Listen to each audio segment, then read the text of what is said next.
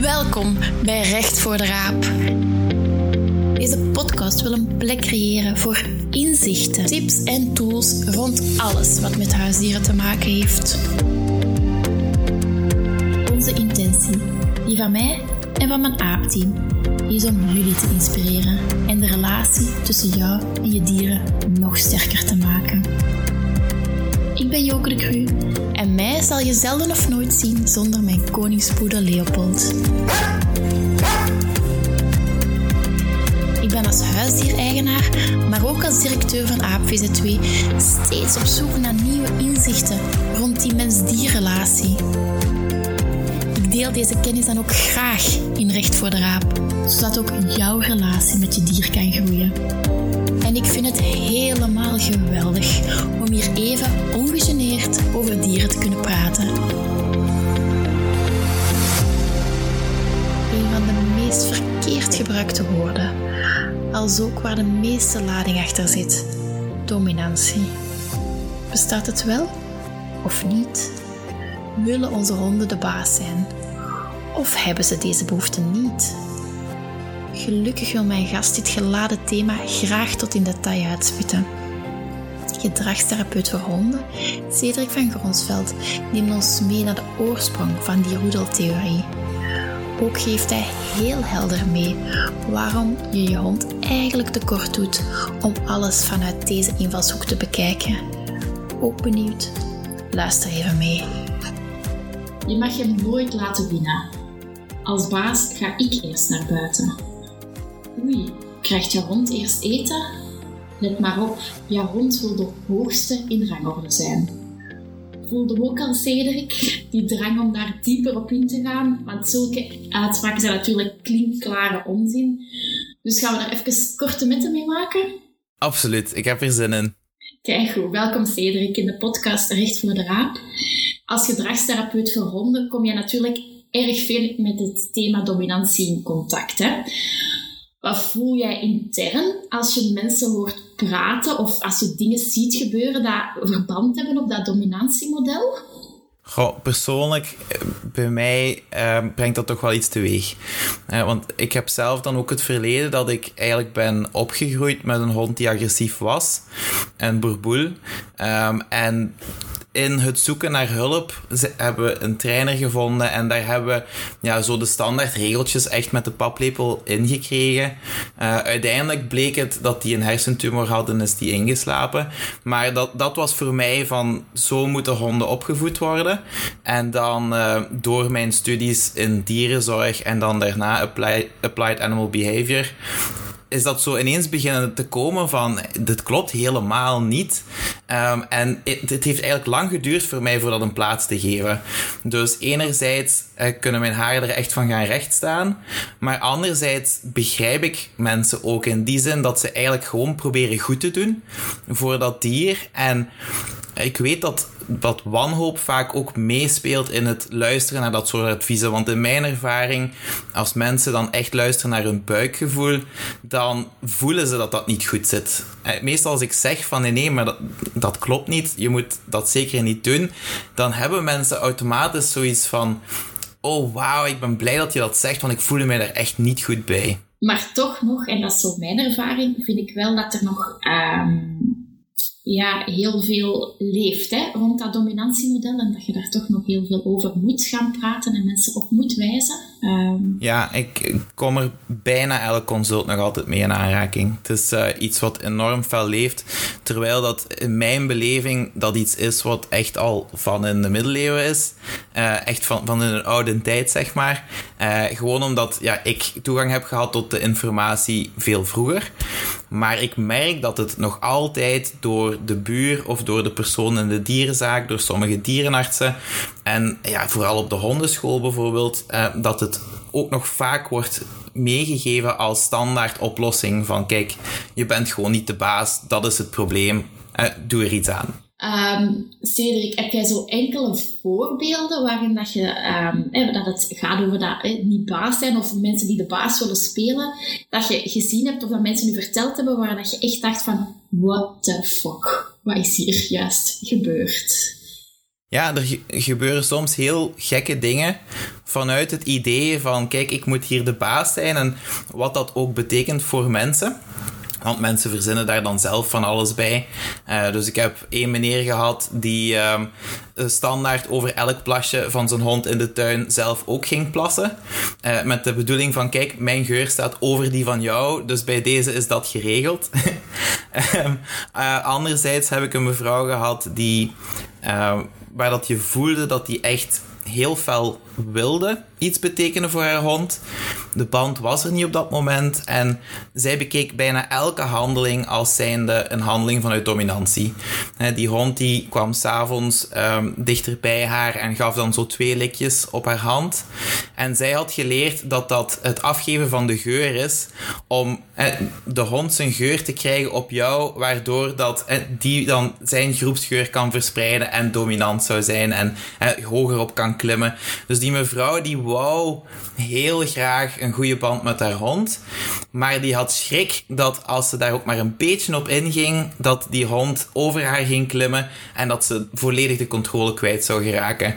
Uh, en ja, zo heb ik nog een miljoen en één voorbeelden van instanties waarbij dat mensen echt de gekste dingen denken of doen omwille van dat idee wat er leeft over dominantie.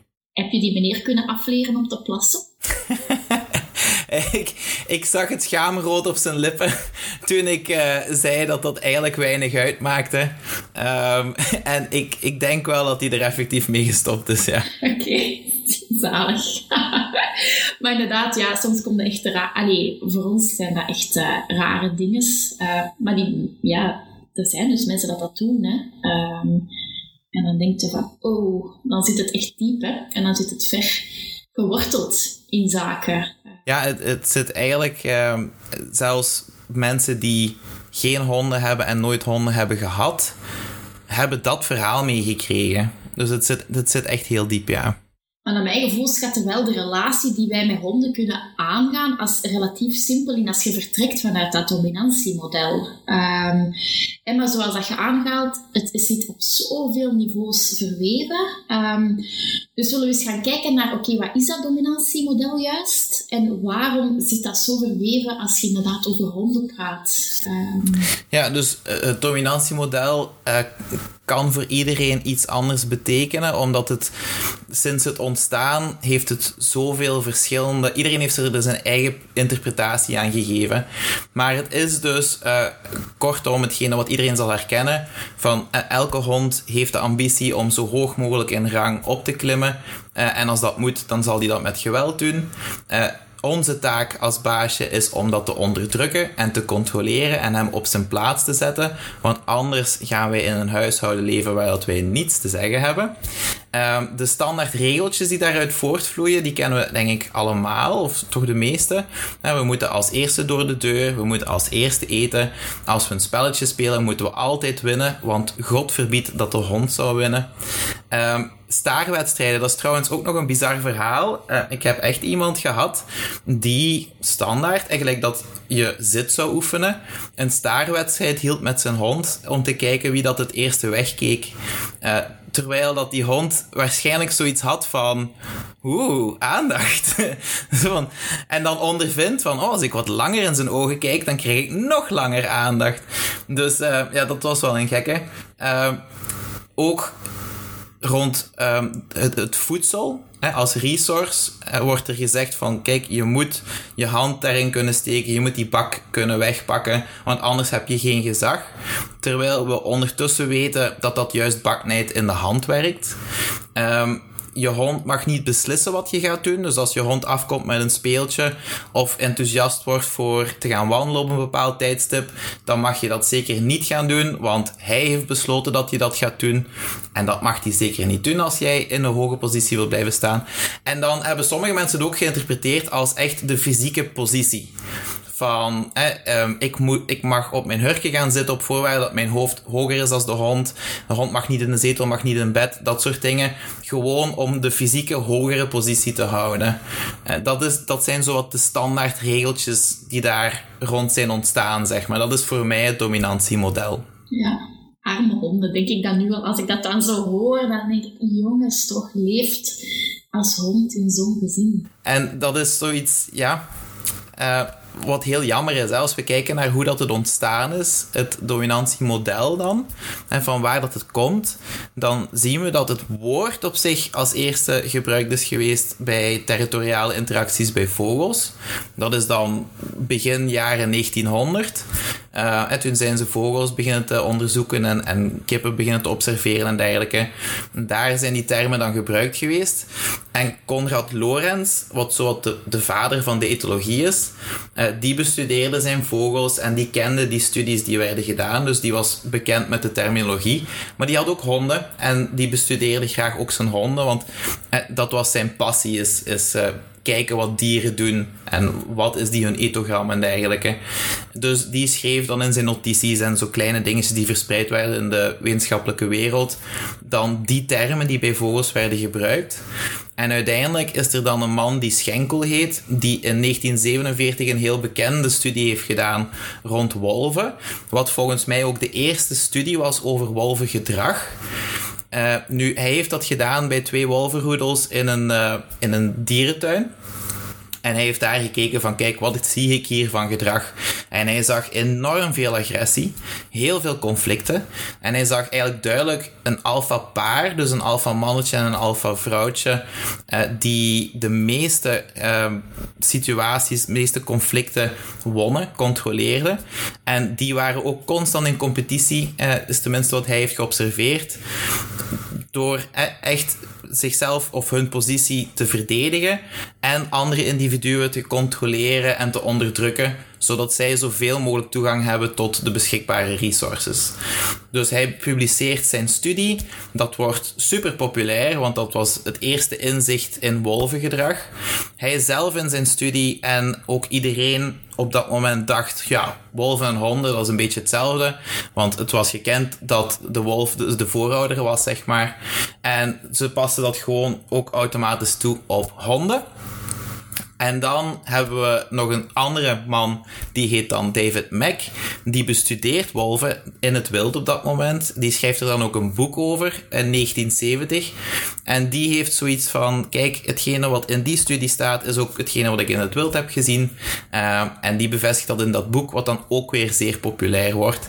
En het hele idee van dominantie en de alfa-wolf en uh, alles wat daarmee gepaard gaat, is geboren. Nu, er is al een wetenschapper in 81 die zei van kijk, die dominantierangen, dat is eigenlijk eerder een, een teken van hoe goed dat de mens kan tellen, als dat dat iets zegt over sociale uh, organisatie. Um, en ik heb een boek gelezen van een man. En dat was uit 1936 of zoiets. En dat ging eigenlijk over hoe dat je vrienden kan maken en mensen kan beïnvloeden in, in zaken doen, zeg maar. En uh, die schreef over een dierentrainer vriend van hem. En daar beschreef hij eigenlijk de technieken die wij vandaag de dag kennen als beloningsgerichte trainers. En toen klikte het plaatje voor mij helemaal, want 1936, toen was er nog geen sprake van die studie, die eerste studie over wolvengedrag. En toen was de visie van de mensen dus ook anders. Uh, dus dat was voor mij ook zo'n momentje dat ik zoiets had van, meen je dit nu? Is dat echt gewoon dan gestart? In elk geval, uh, dus daar is dat dan begonnen. Dat is verder gebroeid. Mensen zijn daar van alles over beginnen zelf te denken van uh, wat dat betekent over de omgang met de hond. Maar ondertussen, dankzij vordering in technologie en meer fondsen voor wetenschap en dergelijke, uh, hebben zowel David Mack zelf als vele andere mensen, biologen en etologen, hebben dan wolven in het wild nog beter kunnen observeren. En ondertussen weten we dat hetgene wat toen gezien is, wat gezegd is, dat dat niet klopt.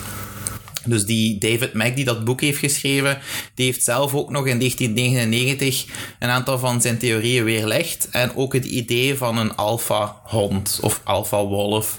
Eh, dus dat heeft hij zelf aangegeven van kijk, ik was toen fout. Dat is het mooie van wetenschap, vind ik.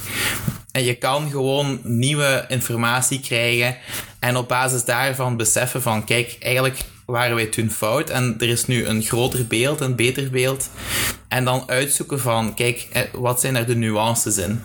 En wat ze dan bijvoorbeeld hebben gezien, is dat in die eerste studie, die en de dag van vandaag nog altijd gevoeld wordt, dat was eentje die gedaan was bij wolven in gevangenschap op een heerlijk kleine oppervlakte.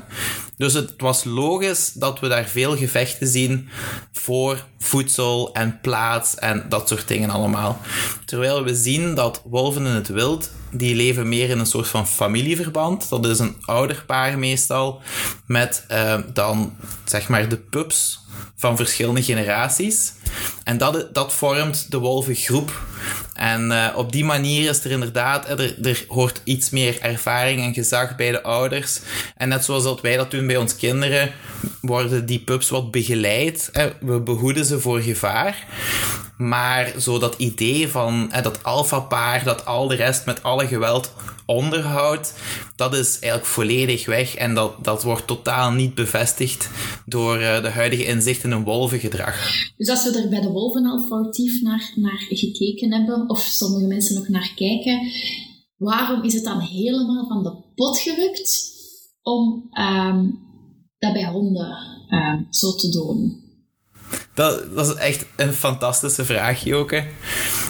Want uh, zoals ik al zei, die, die lijn die, die was er gewoon niet. Ze zeiden van wolven zijn honden en honden zijn wolven. En dat is allemaal één pot nat. Maar ondertussen weten we ook daar weer beter. Honden zijn eigenlijk een heel interessant iets om te bestuderen. Um, om dat domesticatieproces een beetje te begrijpen. Van hoe komt het nu eigenlijk dat honden zo'n goede band hebben met mensen? En ondertussen zijn wij al zo lang hetzelfde pad aan het bewandelen als hond en mens, dat er toch wel wat verschillen zijn opgetreden. Hè. We, ze vermoeden dat ergens tussen de 15.000 en 30.000 jaar geleden uh, de hond zich heeft afgesplitst van die ene voorouder, uh, en van de wolf, wat of de, de oerwolf moet ik zeggen, want de wolf die we de dag vandaag kennen is is maar een schim van wat de wolf geweest zal zijn. En dus we kunnen zelfs die twee niet vergelijken. Um, en uh, dus die heeft zich afgesplitst. Mensen hebben eh, dan geleidelijk aan uh, hebben die een soort van samenwerking opgestart met honden. En die zijn dan honden beginnen te houden en beginnen te selecteren. Tot de dag van vandaag, waar dat we zowel Chihuahuas als Ierse wolfshonden kennen. En dus is er een gigantische variatie in. Dus dat, dat, eh, op dat gebied alleen al spoort het voor mij niet om te zeggen van eh, wolf en hond is hetzelfde. Want dat is voor mij zeggen als eh, ik die hier aan mijn computer zit, ik ben dezelfde als die holbewoner van zoveel jaar geleden, um, die daar zijn vuurtje aan het maken was. En dat is ook absoluut niet hetzelfde. Uh, daarnaast want wat ik vaak te horen krijg als ik mensen dit probeer uit te leggen, is van ja, maar die eerste studie is gedaan bij wolven in gevangenschap, maar onze huisdieren leven ook in gevangenschap. Dus eh, er is gelijkenis. Eh, en daarop kan ik dan zeggen, nee. Want um, Ondertussen hebben we over de hele wereld een aantal verwilderde hondenpopulaties die worden onderzocht. Eh, onder andere in India en in Italië is er eentje. Zuid-Amerika eh, heeft er ook, Zuid-Afrika heeft er ook veel. ik ben zelf, um, denk vier jaar geleden in Bali geweest en het loopt daar vol van honden, maar ze zijn van niemand. Dus uh, we kunnen echt bekijken van hoe organiseren honden zich sociaal als daar geen inmenging is van mensen. En bijvoorbeeld die honden in India. Ik heb een bijscholing gevolgd van een mevrouw die daar studies doet op die groepen honden.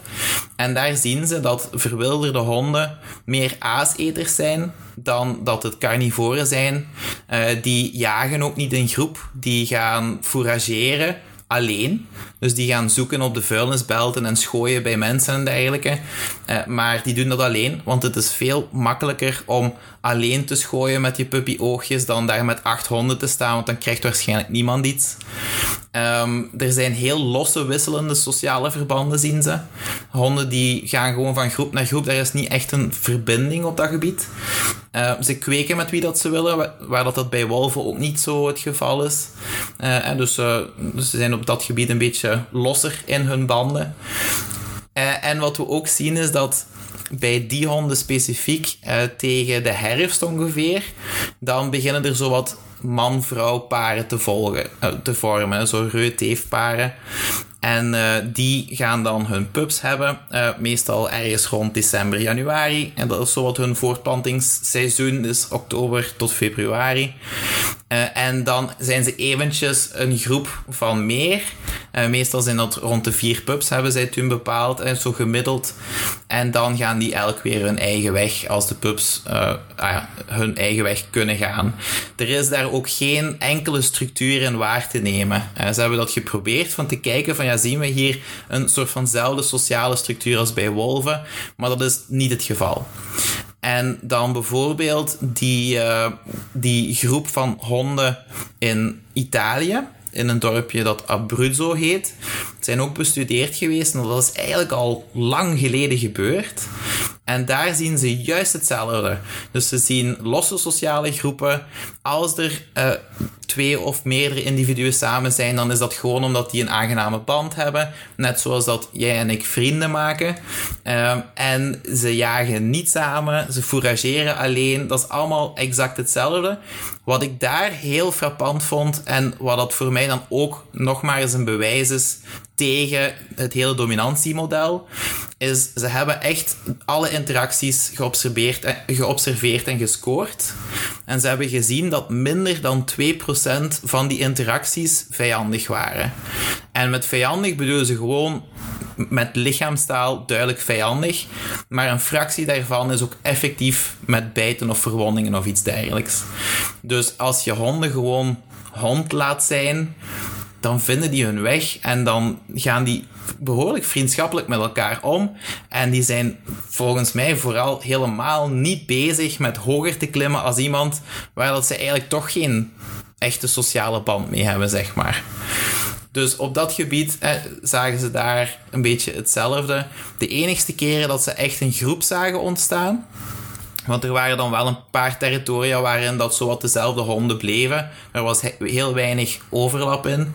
En de enige keer dat ze echt een groep zagen vormen is als een voedselbron moest verdedigd worden tegen een ander gebied of een andere groep.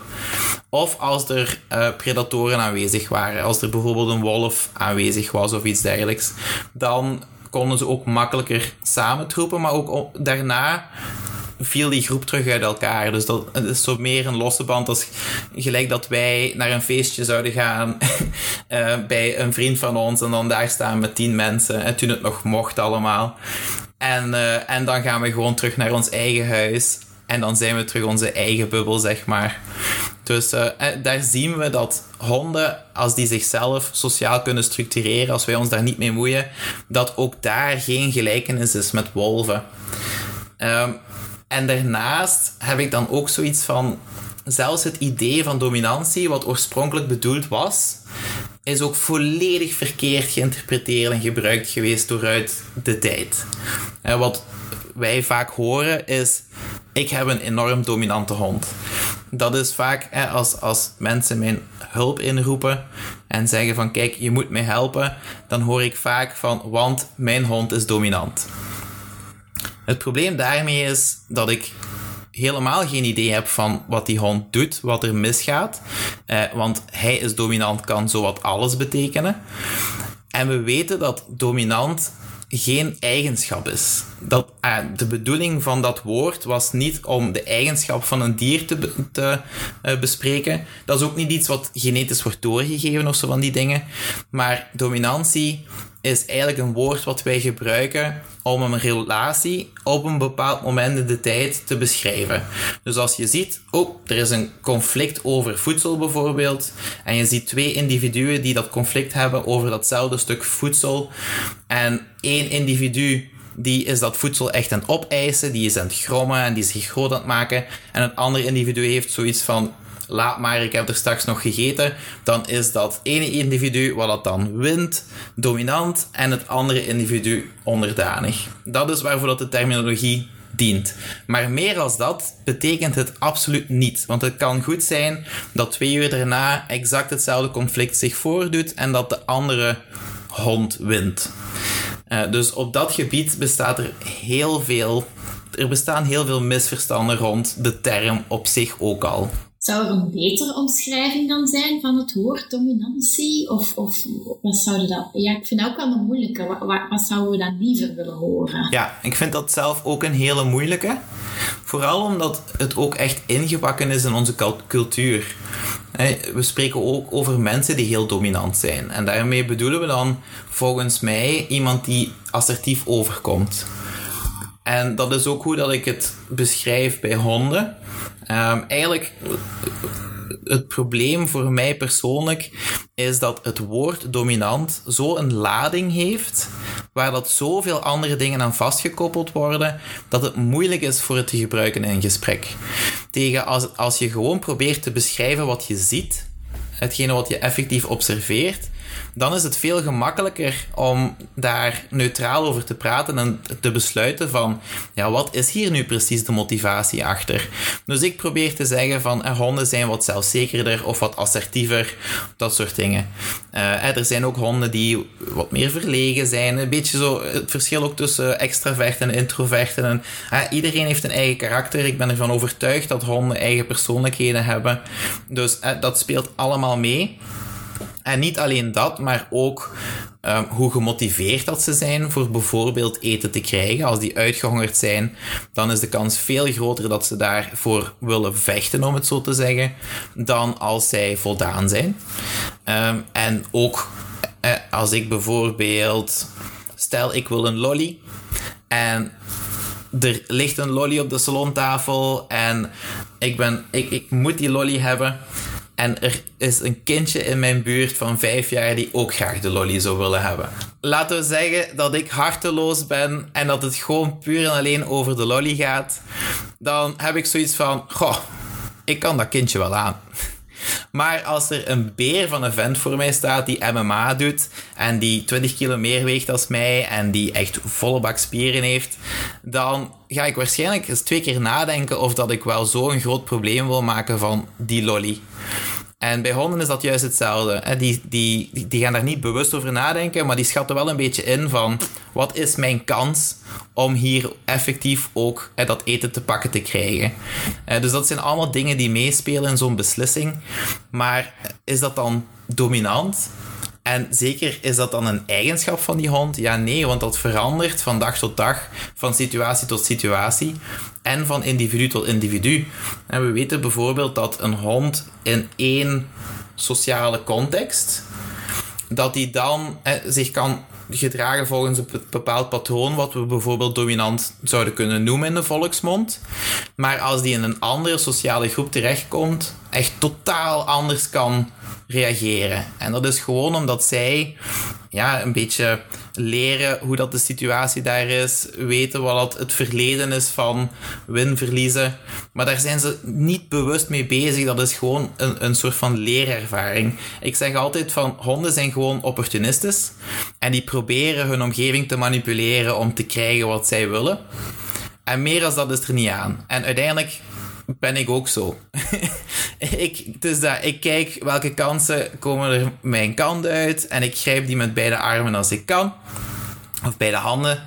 Um, en meer als dat is het niet. En dat maakt het ook zoveel simpeler. Want dat wil zeggen dat wij, als wij de omgeving manipuleren voor uh, een hond de kans te geven om te verdienen wat hij wil, ja, dan kunnen wij heel veel vragen van die hond. En dan zit daar niet zo dat machtsspel in verwikkeld, zeg maar. Ja, en toch, we hebben het er al over gehad, je ziet heel veel gebeuren. Hè, wat verband houdt met dat dominantiemodel. Hè, honden die in hun nekvel genomen worden, uh, het in de ogen kijken. Uh, je mocht vooral niet lager zijn dan je hond. Uh, je moet gewoon zorgen dat je de baas bent. Hoe zie jij de relatie die wij aangaan met honden? Is dat dan die autoritaire relatie, waar dat eigenlijk in dat dominantiemodel heel erg naar voren komt?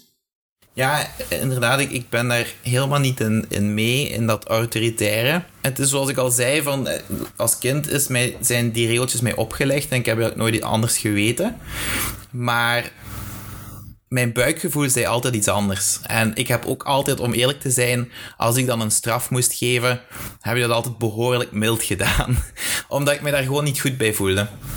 En um, we weten nu ook dat, weet je, honden zijn sociale dieren.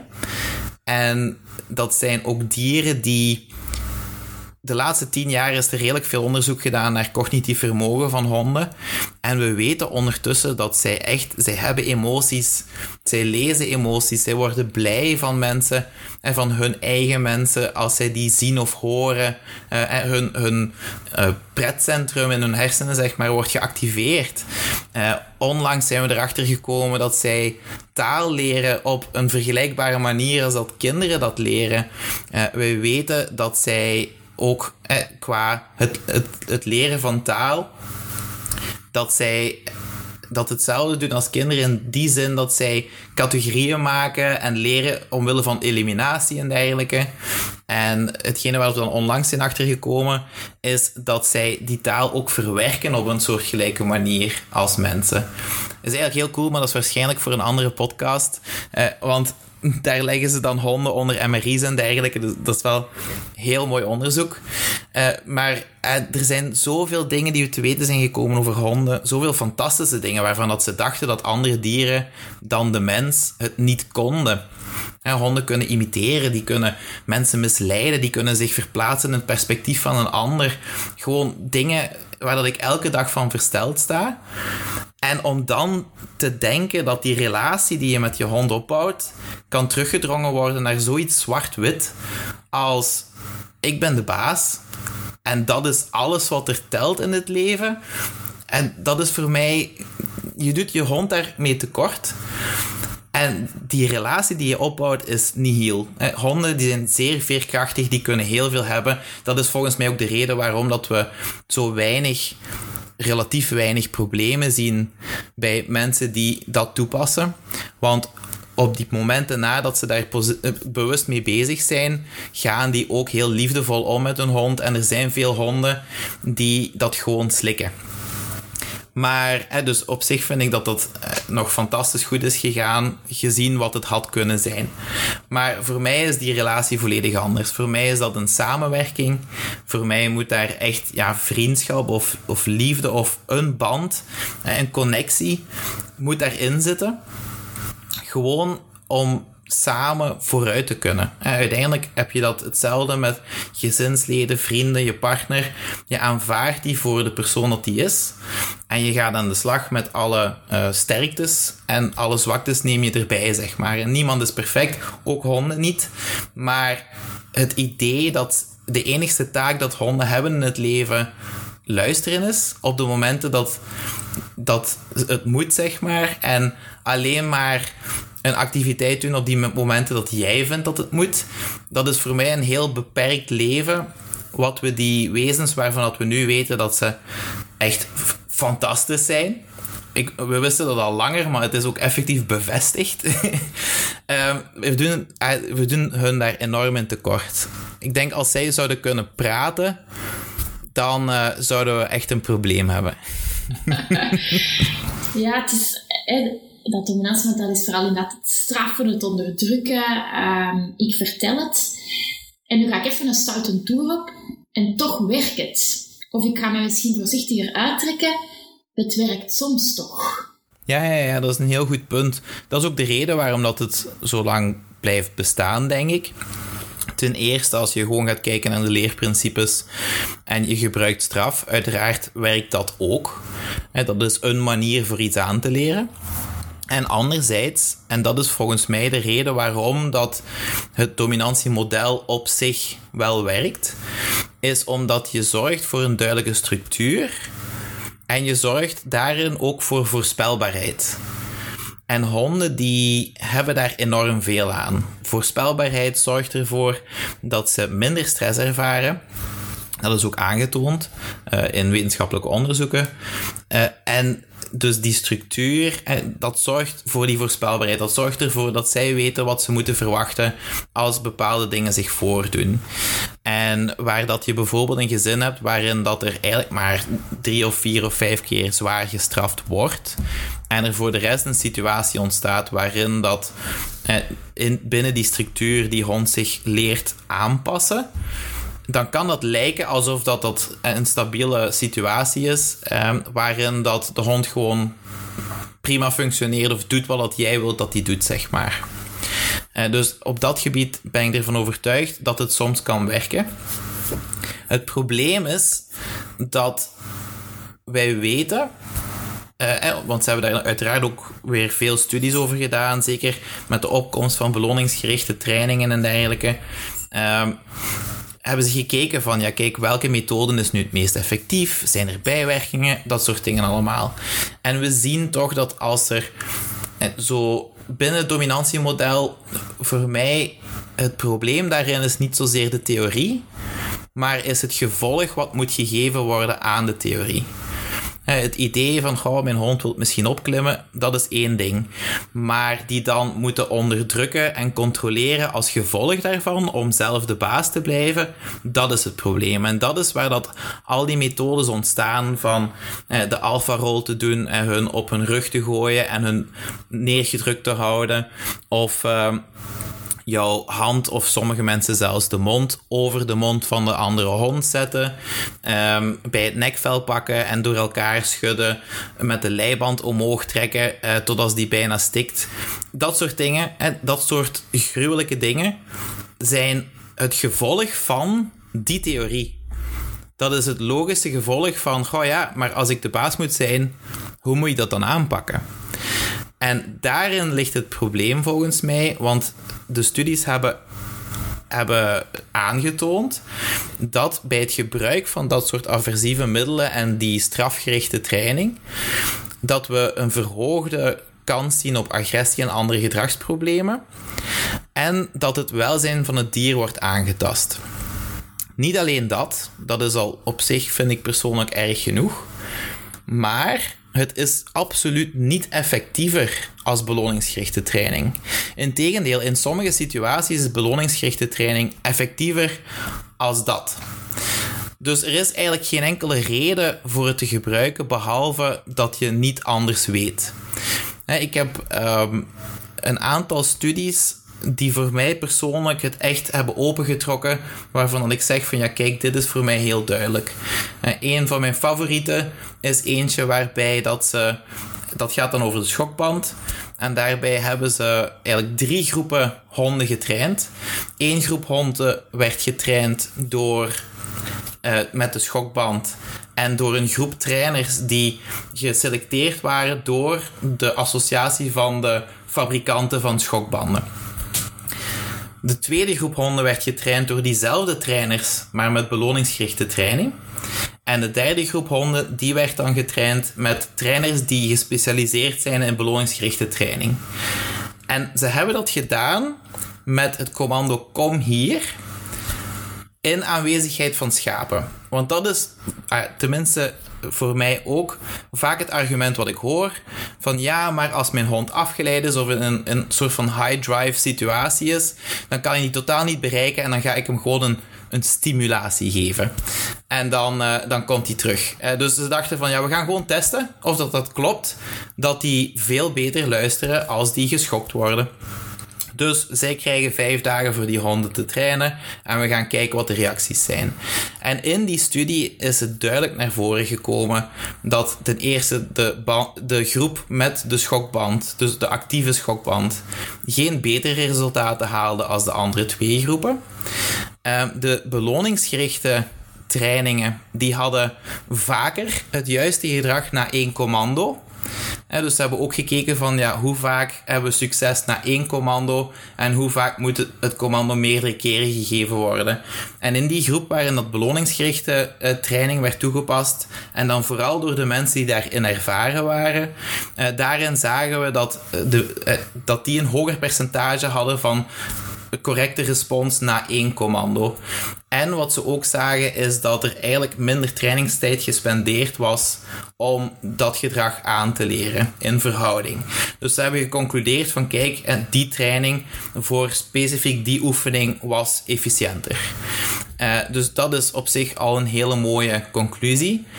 Maar ze hebben dan ook gezien dat uh, de groep die werd getraind met de schokband ook veel meer stresssignalen lieten zien.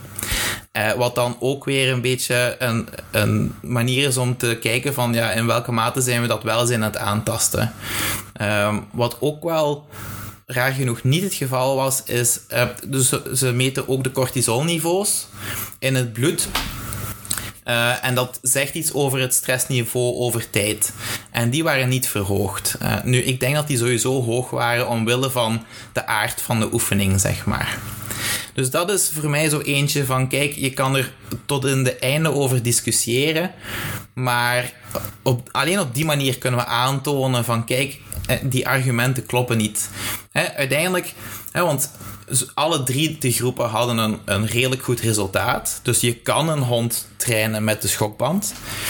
Maar je kan hem even goed, zelfs beter trainen met beloningsgerichte training, zonder dat je het risico loopt voor een hond te krijgen die ineens agressief gedrag laat zien, omwille van al die opgekropte frustratie en die stresssignaaltjes die toch allemaal opstapelen.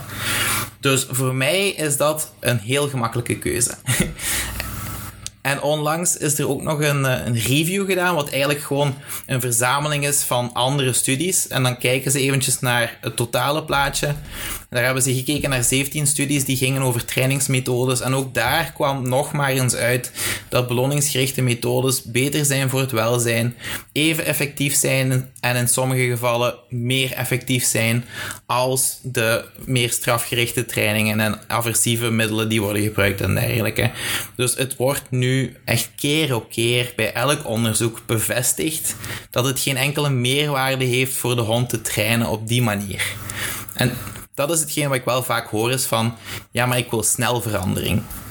En je kan misschien denken snel verandering te zien, maar dat wreekt zich sowieso op de lange termijn. Ja, en ik denk ook, als je anders wilt opvoeden, dat je ook um, dingen los moet laten ook. Hè. Dat dominantiemodel is helder en duidelijk. Hè. Je moet gewoon zien dat je er bovenop zit en dat je het onderdrukt op een of andere manier. Ja, maar dat is toch... En dan komen wij eraan en dan zeggen wij, ja, maar als dit, ja, dan zou het dat kunnen zijn of het zou ook dat kunnen zijn. Er moet veel meer gekeken worden en veel meer naar dat buikgevoel gegaan worden. Um, en dat is een, ja, een pad dat nog niet... Ja, dat is niet niet zo helder te bewandelen natuurlijk. Hè. Als gewoon, uh, ga maar rechtdoor. En als hem niet mee is, dan, uh, dan zit er gewoon keihard bovenop. Terwijl wij willen proberen van, ja, kijk naar gedrag, wat zit daarachter? Anticipeer daarop. Ja, dat is gewoon heel veel gedoe, hè. Allee, dat lijkt zo, wow, allee. ja, het, is, het zou fantastisch zijn als wij elk probleem kunnen aanpakken met twee zinnetjes.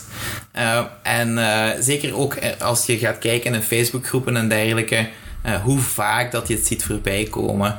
Uh, ik heb zelfs nu iemand in behandeling uh, en die, haar Foxter, die zegt hetzelfde. Die zegt van, ja, het probleem is dat je nog altijd niet de baas bent. En het is zo'n hardnekkig idee. Maar het is inderdaad, zoals dat jij aangeeft, zo'n simpel idee ook. Het is iets wat je gemakkelijk kan communiceren op vijf minuutjes. Het is iets wat toepasbaar is op elke hond, want je vindt altijd wel een reden waarom dat die dominant zou zijn. en eh, ja, het lijkt als zo'n gemakkelijke oplossing. Plus je kan je ook nog eens schuilen achter het feit dat als het niet werkt, dat je het gewoon kan leggen bij de eigenaar. als, als eh, de oplossing niet werkt, dan zeg je gewoon van ja, maar jij zal niet genoeg gezag uitstralen. Of ja, je bent toch nog altijd niet de baas. En dat is ja, op die, die manier zo gemakkelijk. Ik heb eens een keertje ook weer op Facebook uh, zo een mooie graphic zien voorbij komen. Waarbij dat ze zeiden van kijk, uh, het gebruik van het dominantiemodel is het mooiste uithangbord van het feit dat je geen enkele kennis of talent hebt, geen skill hebt. Nu, ah ja, zover wil ik niet gaan, want er zijn ook gewoon mensen die zich er niet in hebben verdiept of die het mee hebben gekregen, gelijk ik in mijn vroege leven, van de vader en die zijn vader. En ze hebben toch al 30 jaar honden en ze zullen het wel weten. En oh, die heeft nog politiehonden getraind en dit en dat. Dus eh, daar, daar zit ook wel zo wat stigma rond. Maar ja, het, het bewijs dat het niet zo is, is enorm hard aanwezig en wordt elke keer opnieuw bevestigd. Dus uh, het wordt tijd dat we dat echt een keertje de wereld uit, helpen. Ja, laten we dan even een oproep doen inderdaad voor mensen. Als het niet werkt op de manier waarop je het aan het doen bent, en dat dan met straf. En vaak heb ik het gevoel dat het niet werkt, omdat mensen het niet voelen. En dat dat inderdaad heel, ah, dat staat haaks op hoe, dat zij zijn en hoe dat ze willen zijn met hun, hun dier. Um, dus voor die mensen die voelen van, oeh, deze is toch niet helemaal, ga op zoek naar alternatieven. Dat, uh, raad ik enorm aan. Want ik krijg echt fysiek pijn van in mijn buik als ik het zie dat honden vanuit het dominantiemodel opgevoed worden. Dat doet echt, wow, dat, ja. Maar dan, echt, we er straks hadden dat eens aangehaald. Um, in C gebeurt er heel weinig hè, bij honden die zo opgevoed worden. Hè? Want er is ook een gigantisch gevaar dat er aan zo opvoeden, dat er schuil achter gaat natuurlijk. Hè? Ja, inderdaad. Dus ik ben iemand, ik zie alleen maar de probleemgevallen. Dus in, in dat opzicht ben ik ook heel gevoelig voor wat, alles wat er fout kan gaan. Maar als je dan gaat kijken naar het totaalbeeld en hoe vaak dat het wordt toegepast en hoe weinig dat, dat er echt problemen zijn, eh, dan vind ik dat verbazingwekkend. En dat, dat ken ik alleen maar toe aan honden en de veerkracht die ze hebben en hoeveel dat ze kunnen verdragen van ons. Uh, wat eigenlijk ook weer haak staat op dat idee van een hond die alleen maar probeert hoger te klimmen en probeert de baas te zijn. Want als zij zo echt in elkaar zouden zitten, ja, dan zou er gewoon continu gevechten zijn. Dan zou er voortdurend zou er, zeg maar, een soort van strijd zijn van ja, maar hier ben ik niet mee akkoord. Terwijl dat honden zoiets hebben van ach ja, die mensen zijn gewoon een beetje raar. Ze willen ons een beetje helpen. Oh. ja, zo schattig. Ik kan me voorstellen dat zij zo van die Zoom-calls hebben met elkaar. Van zegt die van mij heeft weer iets gedaan vandaag. nee, maar het is, ik zou soms echt honden begrijpen. Of andere dieren ook hoor. Die dat op die manier um, benaderd worden. Want dat is zeker niet alleen bij honden. Ik denk dat wij als mens soms ik weet niet waar dat, dat kantje vandaan komt, maar dat onderdrukken en dergelijke, dat ik soms denk, potverdorie, dat dier is zoveel sterker dan u. Als hij nu eens ene keer een rakenslag of eens goed zijn tanden zou zetten daarin, dan is toch klaar ook, hè? En Oh, wel, ik heb eens een bijscholing gevolgd van iemand die uh, eigenlijk zijn carrière heeft gemaakt in het trainen van dierentuindieren. Uh, en die dan ook in de hondenwereld is uh, terechtgekomen. Maar ja, die was daar eigenlijk heel duidelijk over. En die zei van, ja sorry, maar als ik een olifant of een tijger op die manier moet trainen, ja, dan is het gedaan.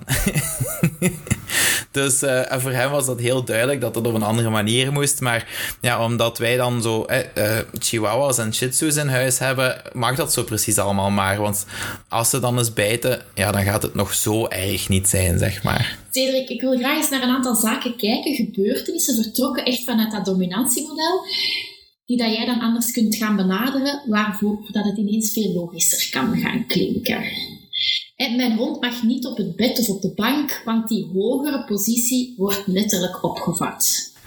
Dus dat is inderdaad eentje die vaak wordt aangeraden. Um, voor mij persoonlijk is dat helemaal niet van belang. Uh, dat is voor mij gewoon de keuze van de eigenaar. Als zij niet willen dat het dier op de bank of op het bed komt, omwille van hygiënische redenen of wat dan ook, dan is dat prima. Als zij dat wel willen, dan is dat ook prima. De enigste keer dat ik er tegen adviseer, is als de hond echt bezitterig is. Dus sommige honden die kunnen echt um, ja, problemen hebben rond resources. En een van die resources kan een lichtplaats zijn. En dus ik ben ook al bij mensen geweest waarbij dat bijvoorbeeld de hond s'avonds in de zetel ligt en niemand in de buurt mag komen. Of op het bed ligt en als de partner dan wil komen slapen, dan wordt hij bijna gebeten. Dus dat zijn situaties waarin dat ik zoiets heb van ja kijk, dit moeten we vermijden als conflict zijnde. Dus die mag absoluut niet meer op bed of op de zetel. En daarnaast werken we daaraan. Daarnaast gaan we kijken van wat kunnen wij hier nu doen om ervoor te zorgen dat hij die resource niet zo belangrijk vindt. Dus het is geen dominante hond die uh, dan je zit in de zetel samen met je hond, je beweegt je of je wilt eruit of inkomen, die grond. Dat is niet dan het, op het dominantiemodel dat je dan moet onderdrukken. Dus dat is echt dan inderdaad de hond die zegt van oh, ik lig hier gewoon gezellig en bol af. Ja, want in mijn ervaring zijn dat vaak ook eh, dieren die wat meer onzeker zijn van aard. Wat ook weer volledig haak staat op het idee van een dominante hond die zijn, zijn leiderschap gaat laten zien. Ehm, en het probleem is dat als je dan een reactie laat zien die volledig buiten proportie is, omwille van het idee wat jij hebt over dominantie, dan kan die hond zich gaan verschieten. Dan kan die zijn vertrouwen verliezen in jou. En dan kunnen er echt agressieve situaties ontstaan rond dat heel gebeuren. Terwijl dat, dat eigenlijk gemakkelijk opgelost was geweest op een andere manier. En ook gewoon erkennen dat daar iets is. En dat is ook helemaal niet erg. Soms sluipt het er ook heel ja, langzaam in. Ehm, dus uh, maar het is inderdaad dan heel fout door dan inderdaad een hond de stempel dominant te geven. En we zullen er eens even bovenop uh, gaan zitten. Dat is niet handig. Oké, mijn hond controleert mij. En als hij, uh, zeker als hij op mijn voeten komt gaan ja, die, die had ik nog niet gehoord. Uh, dus een hond die um, op jouw voeten komt liggen. Of uh, wij hebben regelmatig logiehondjes. En op het moment hebben we er ook eentje zitten. En die kwam nog niet zo lang geleden, ik denk anderhalf uur geleden, zat ik op de grond voor mijn zoontje. En die kwam gewoon recht op mijn schoot zitten. Uh, en voor mij was dat zeer duidelijk dat dat voor aandacht was. Uh, die had echt zoiets van: ja, maar je hebt al de hele dag gewerkt en nu wil ik ook een beetje aandacht. Dat heeft niks met dominantie te maken. Honden zijn sociale dieren en die gaan doen wat werkt voor hun. Dus als zij weten van, goh, een beetje zielig staan staren van tegenover de kamer werkt niet. Maar als ik op de schoenen ga liggen of zitten, dan krijg ik af en toe nog wel eens een streeltje. Ja, dan gaan ze dat doen, want dat werkt. En de honden die dat dan zo bij bezoek gaan doen? De onzekere honden die dan zo bij bezoek zo heel hard zo ja, er tegen gaan liggen en dergelijke. Op, op welke manier zou je dat dan verklaren? Voor mij persoonlijk, maar je moet me verbeteren als het niet zo is. Maar, uh, want ik zie dat regelmatig. En mensen hebben dan zoiets. Voor, voor mensen klopt het plaatje niet. Want ze weten dat de hond moeite heeft met vreemde mensen. Maar anderzijds gaat de hond er wel bij of dichtbij liggen. En het probleem daar is dat die hond op de hoogte wil zijn van wanneer dat jij beweegt. Die wil zich veilig voelen. En als die ergens met zijn rug naar jou toe ligt en in slaap valt, dan zal die nooit weten wanneer die wordt aangevallen. Want in zijn ogen ben jij een of andere grote bruine beer die op elk moment hem kan vullen. Maar uh, door dicht bij jou te liggen, heeft hij een beetje controle van en wanneer staat hij op, wanneer moet ik mij hier uh, onder de voeten uitmaken. Uh, en zeker wat mij opvalt is dat het regelmatig is dat dat dier dan dichtbij ligt tussen jou en de uitgang of de wc of en zo van die plaatsen, zodat hij onmiddellijk op de hoogte is van oh, er gaat hier iets gebeuren. Ik beslis wanneer dat er gespeeld, gespeeld wordt, maar ik win ook altijd. ja, is eentje die we vaak horen. En zeker ook binnen het heel uh, idee van trekspelletjes uh, met zo'n touw. Um, of, of een ander speeltje. En hoe dat ik het altijd probeer uit te leggen is. Um, hoe dat ik ben met Monopoly. ik ben ondertussen 33 jaar en niemand wil nog Monopoly spelen met mij. Want ik, ben, ik, ik ga een beetje te fanatiek daarin en ik wil altijd winnen. En omdat ik daar zo fanatiek in ga, win ik ook vaak. Won ik ook vaak. En nu is er niemand die nog goesting heeft om twee uur met mij te spelen om dan uiteindelijk te verliezen. En ik denk dat dat bij honden hetzelfde is. Als je elke keer eh, dat ja, bijna gevecht aangaat voor te willen winnen, eh, dat dat voor honden niet meer interessant is. En daar wil ik ook aan toevoegen, specifiek voor die trekspelletjes het hele idee van, goh ja, maar als hij wint, hè, dan is hij de baas, dan is hij hoger op aan het klimmen. Maar dan stel ik de vraag van, wie is nu eigenlijk degene die wint? De persoon die krampachtig probeert dat trekspelletje vast te houden, ondertussen kramp krijgt in zijn arm en zoiets heeft van, ik had eigenlijk al iets, lang iets anders kunnen doen. Of de hond die 10 tot 20 minuten langer spel eruit heeft gekregen door gewoon niet los te laten. En ook zo het beslissen wanneer er gespeeld wordt. Ja, ik heb ook soms wel momenten dat ik zeg, hey, ik wil nu iets doen. En dan probeerde bij u zeggen, oh, gaan we een spelletje spelen? Bij u ga ik dan niet vragen om Monopoly te spelen, maar... maar dat is toch gewoon, dat is een beetje uitnodiging, een beetje proberen. En soms lukt dat wel. En, en, en denkt, oh ja, ik heb nu wel even tijd om met je te spelen. En soms zeg je, ah nee, sorry vriend, nu niet, want het, het gaat niet. Maar uh, ja, ik stel ook af en toe een vraag aan anderen en het kan ja of het kan nee zijn. Ehm. Voilà, ik denk dat dat een gezond evenwicht is en er moet zeker niet op gelet worden eh, wie dat, dat geïnitieerd heeft. Ook daar kanttekening, de enige keer dat dat wel een probleem is, is als een hond echt fel aandachtzoekend gedrag vertoont. Uh, een hond die uh, zodanig veel nood heeft aan aandacht, dat hij continu aan het vragen is voor aandacht op alle manieren dat hij kent. Daar is het wel heel belangrijk om erop te gaan letten dat je er niet elke keer op ingaat. Uh, want dan uh, gaat hij dat blijven doen en gaat dat escaleren en erger worden. Maar ook dat zijn zeldzame situaties. Plus, als een hond altijd toegang heeft tot jouw aandacht, dan is het moeilijker voor die hond als die alleen is. Want dan heeft hij ineens geen toegang meer. Dus ik denk dat het inderdaad heel verstandig is om daar een soort van evenwicht in te vinden. Van af en toe ga ik daarop in en af en toe ga ik daar niet op in.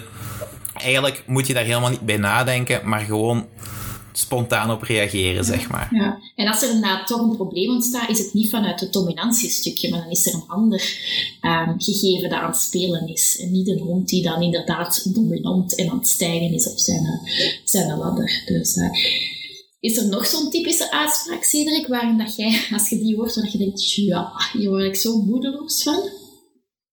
Ja, dus binnen dat dominantieverhaal hoor ik ook vaak dat uh, een hond die opspringt erg dominant is. Ook omwille van, eh, ten eerste is dat iets wat niet fijn is. Die hond die probeert letterlijk hoger op te geraken. Dus dat klikt voor mensen. Terwijl dat de echte reden daarachter is dat hij jou wilt begroeten. En dat staat zo. Dat is voor mij eigenlijk het mooiste voorbeeld van miscommunicatie tussen hond en mens. Honden hebben zo slechte bedoelingen niet als dat de meeste mensen denken. En die, dat zijn dan zo van die lieve goedzakken die alleen maar goeiedag willen komen zeggen. En eh, van nature uit gaan honden dat makkelijk aan de mondhoeken doen. En ja, wij zijn zo van die vervelende wezens die dan op twee poten omhoog moeten staan. Maar, ehm, en, en ja, er zijn veel mensen die dan leren van, goh, dat mag je zeker niet toelaten, want dan gaat hij de baas zijn. En dus met het gevolg dat je dan een knietje in de buik geeft, of dat je hem echt letterlijk naar beneden duwt, of eh, de meest gruwelijke dingen kunnen daar gebeuren omwille van iets wat als heel onschuldig begint. En dat zijn zo van die dingen. Eh, sowieso heb ik er moeite mee. Maar dat is voor mij zo een mooi voorbeeld van miscommunicatie. En dat is niet de enige situatie. Er zijn er zo echt heel veel. Waarin dat ik denk van ja, we hebben echt nog een hele lange weg af te leggen. We gaan het even wat luchtiger maken. Ik heb enkele keuzes voor u. Um, ik ga je twee zaken voorleggen. Je mag er één kiezen maar je mag er niet direct uitleg over geven. Hondengedragstherapeut of dierenartsassistent? Hondengedragstherapeut. Mythes om ontkrachten rond honden opvoeden of een abonnement op Disneyland? Oeh, dat is, dat is een hele goede vraag. Maar ik ga toch voor mythes ontkrachten. Dat is Disneyland zo... Ja, ik mag geen uitleg geven. Het verbod op schokbanden of de stop van de broodfok? Ah, wel, om eerlijk te zijn, het verbod op, op broodfok. En het verbod op de broodfok of het verbod op vuurwerk met geluid? Ook broodfok. Een hardnekkige, hè? Ook. Ja, dus ik probeer af te wegen van wat is hetgene wat zorgt voor het meeste leed. En zowel bij het vuurwerk, er zijn inderdaad heel veel honden die daar moeite mee hebben. Maar ook daar is een heel groot aandeel van broodfokpups die daar moeite mee hebben. Omwille van de gestoorde ontwikkeling en dergelijke. Dus voor mij eh, pakken we meer van het probleem aan bij de broodfok. En de andere was broodfok of? Uh, verbod op schokbanden. Ja, en daar is voor mij hetzelfde. Dus daar ga ik ook kijken van ja, hoeveel schade doet broodfok ten opzichte van schokbanden. Schokbanden vind ik verschrikkelijk. Eh, in, in hun gebruik en in wat ze zijn en wat honden daarbij moeten voelen. Maar ook daar denk ik dat het veel minder verspreid is als broodfok. Ik denk als je gaat kijken van hoeveel leed dat er bestaat omwille van broodfok, dat dat veel groter is als het stukje schokband. Is er nog iets dat je graag kwijt wilt, dat je nog niet gezegd hebt, of waar je dat wel vindt van oké, dit moet iedereen toch nog weten? Ik denk dat het belangrijk is om te beseffen dat alle hondeneigenaren, de meeste hondeneigenaren, goed willen doen voor hun hond. En vanuit dat stukje op zoek gaan naar advies en niet altijd het juiste advies krijgen daarin. Uh, ik denk dat het belangrijk is om je buikgevoel te, te volgen, omdat dat raar genoeg toch vaak juist is. Uh, dat is zelfs teruggekomen in, in studies en dergelijke over bijvoorbeeld lichaamstaal. Dat ons buikgevoel eigenlijk wel weet wat honden willen zeggen en hoe dat we daarmee moeten omgaan. En wat ik altijd probeer te zeggen tegen mensen is. De twee, als we kijken naar trainingsmethodes, en zowel strafgericht als beloningsgericht, die werken allebei. Er zijn voor- en nadelen aan verbonden, maar op zich zal je je hond wel getraind krijgen, ongeacht welk systeem dat je gebruikt. Maar dan wordt het een soort van ethische vraag. In die zin dat wil jij een hond die naar jou luistert, omdat die schrik heeft voor wat de gevolgen zouden kunnen zijn als die niet luistert? Dus die eigenlijk omwille van vermijdingsgedrag gaat doen wat jij wilt van hem? Of wil je een hond die doet wat jij vraagt, omdat hij dat leuk vindt, omdat hij dat graag doet, omdat hij heeft geleerd dat er positieve dingen aan verbonden zijn?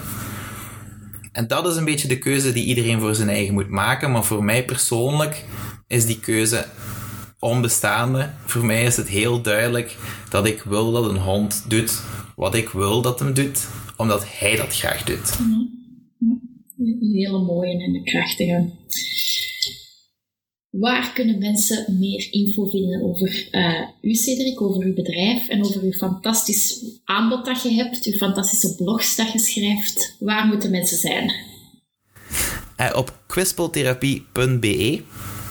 Daar staat alles op, uh, zowel informatie over mijn eigen en um, alles wat daarmee gepaard gaat en werkwijzes en dergelijke. Um, en dan mijn blog uiteraard ook.